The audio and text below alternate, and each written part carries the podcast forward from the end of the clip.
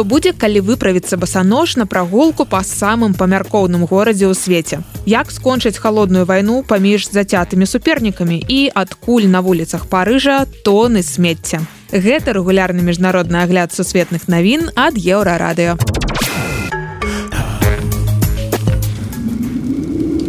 палітыка брудная справа. Фатаграфіі з парыжу апошнія дні гэта пацвярджаюць. Эмануэль макрон спрабаваў падвысіць пенсійны ўзрост на два гады а народ абвясціў яму страйк піша франц 24 сярод іншых страйкавалі і зборшчыкі смецця і вынікі іх страйку бачныя ўжо ледзь не на кожным рагу вуліц парыжа і іншых французскіх гарадоў У мэрыі парыжа засядаюць левыя і палітыкі з партыі макрона перакідваліся з імі на гэтым тыдні твітамі поўнымі ўзаемных абвінавачванняў.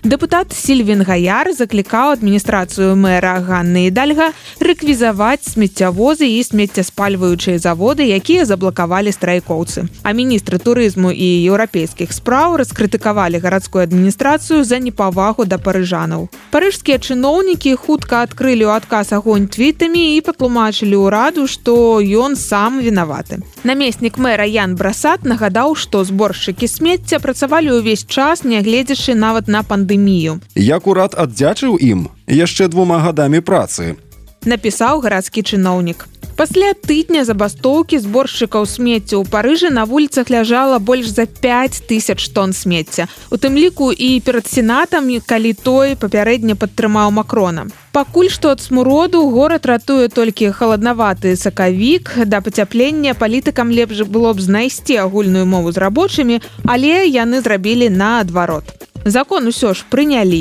і пасля гэтага смецці на вуліцах парыжа перастала быць галоўнай праблемай макрона. Будзем сачыць за тым, як рабочыя адстойваюць свае правы ў краіне з вялікім прафсаюзным досведам. А цяпер падрабязнасці важнай ваенна-марской здзелкі Аўкус. Гэта пакт, які заключылі ЗША, Аўстралія і Великабрытанія, здзелка, якая вельмі не падабаецца пекіну. Краіны дамовіліся, што Аўстралія атрымае тры атамныя падводныя лодкі ад ЗША, піша BBC.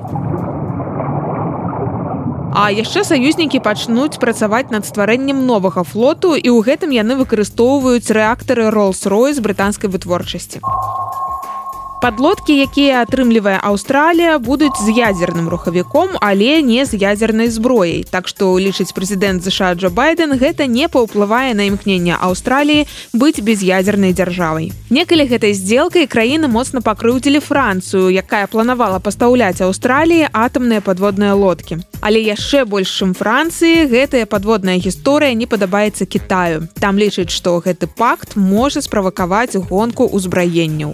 Але краіны якія заключылі яго запэўніваюць што ўсё гэта дзеля міру і спакою ў ціхаакіянскім рэгіёне. Аналітыкі BBC звяртаюць увагу на далікатную сітуацыю у якой апынулася Аўстралія. З аднаго боку краіна ўмацоўвае ваенныя сувязі з ЗША а з іншага Кітай застаецца яе найбуйнейшым гандлёвым партнёрам. Рэкамендуем усім аматарам шматвектарнасці сачыць за развіццём падзей Саудаўская Аравія і Іран заключылі нечаканае пагадненне аб нармалізацыі адносін.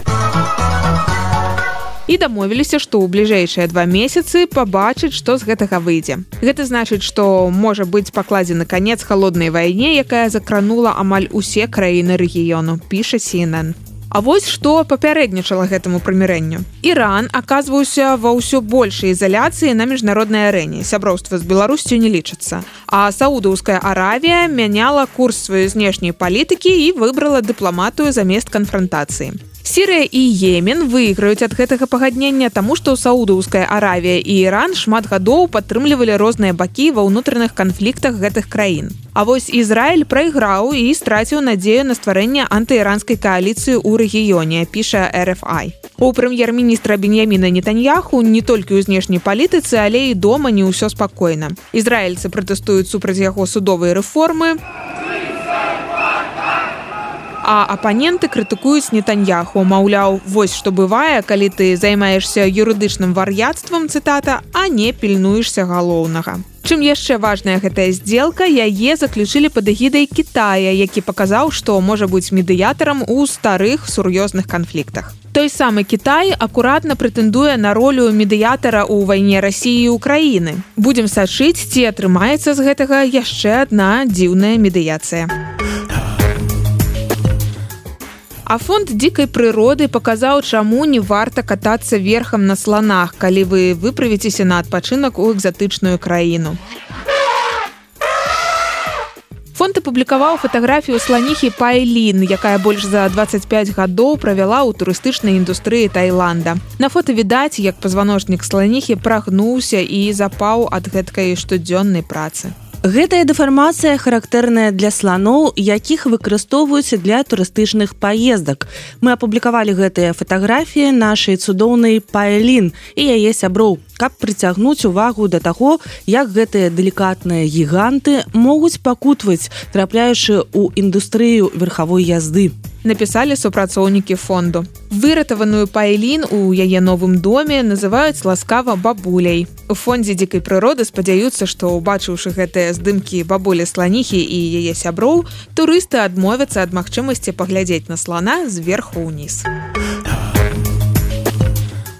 Амерыканец Джозеф Дэрува малодшы каля 20 гадоў ходзіць басанож. Наогул жа ён не збіраўся кідаць выклік грамадству і адмовіўся ад абутку проста праз праблему з суставамі. Але неспадзявана для сябе стаў лакмасавай паперкай, якой можна правяраць памяркоўнасць людзей. Яго гісторыю распавядала нью-йорк таймс. З таго часу, як Джозеф зняў абутак, яго просяць сысці то з крамы, то з рэстарана. Часцей за ўсё ён згаджаецца, але часам усё ж уступае ў спрэчку з менеджерамі. Масток паміж абутым светам і Джозефам гэта яго жонка ліні Экер. Джозеф фатограф і выкладчык фатаграфія. яшчэ ён выкладае пілатыс, але аказалася, што за межамі студыі пілатысу пляжа або педыкюрнага кабінета людзі зусім не гатовыя прымаць босага чалавека. А калі ў жонкі Джозефа спыталі, як босыя ногі мужа паўплывалі на яе жыццё, яна паціснула плячыма. Выбіраце ўвесь пакет, калі вы ходзіце замуж за кагосьці. Калі хочаце практыкаваць памяркоўнасць, пачніце хаця б з прыняцця басаногага побач з сабою.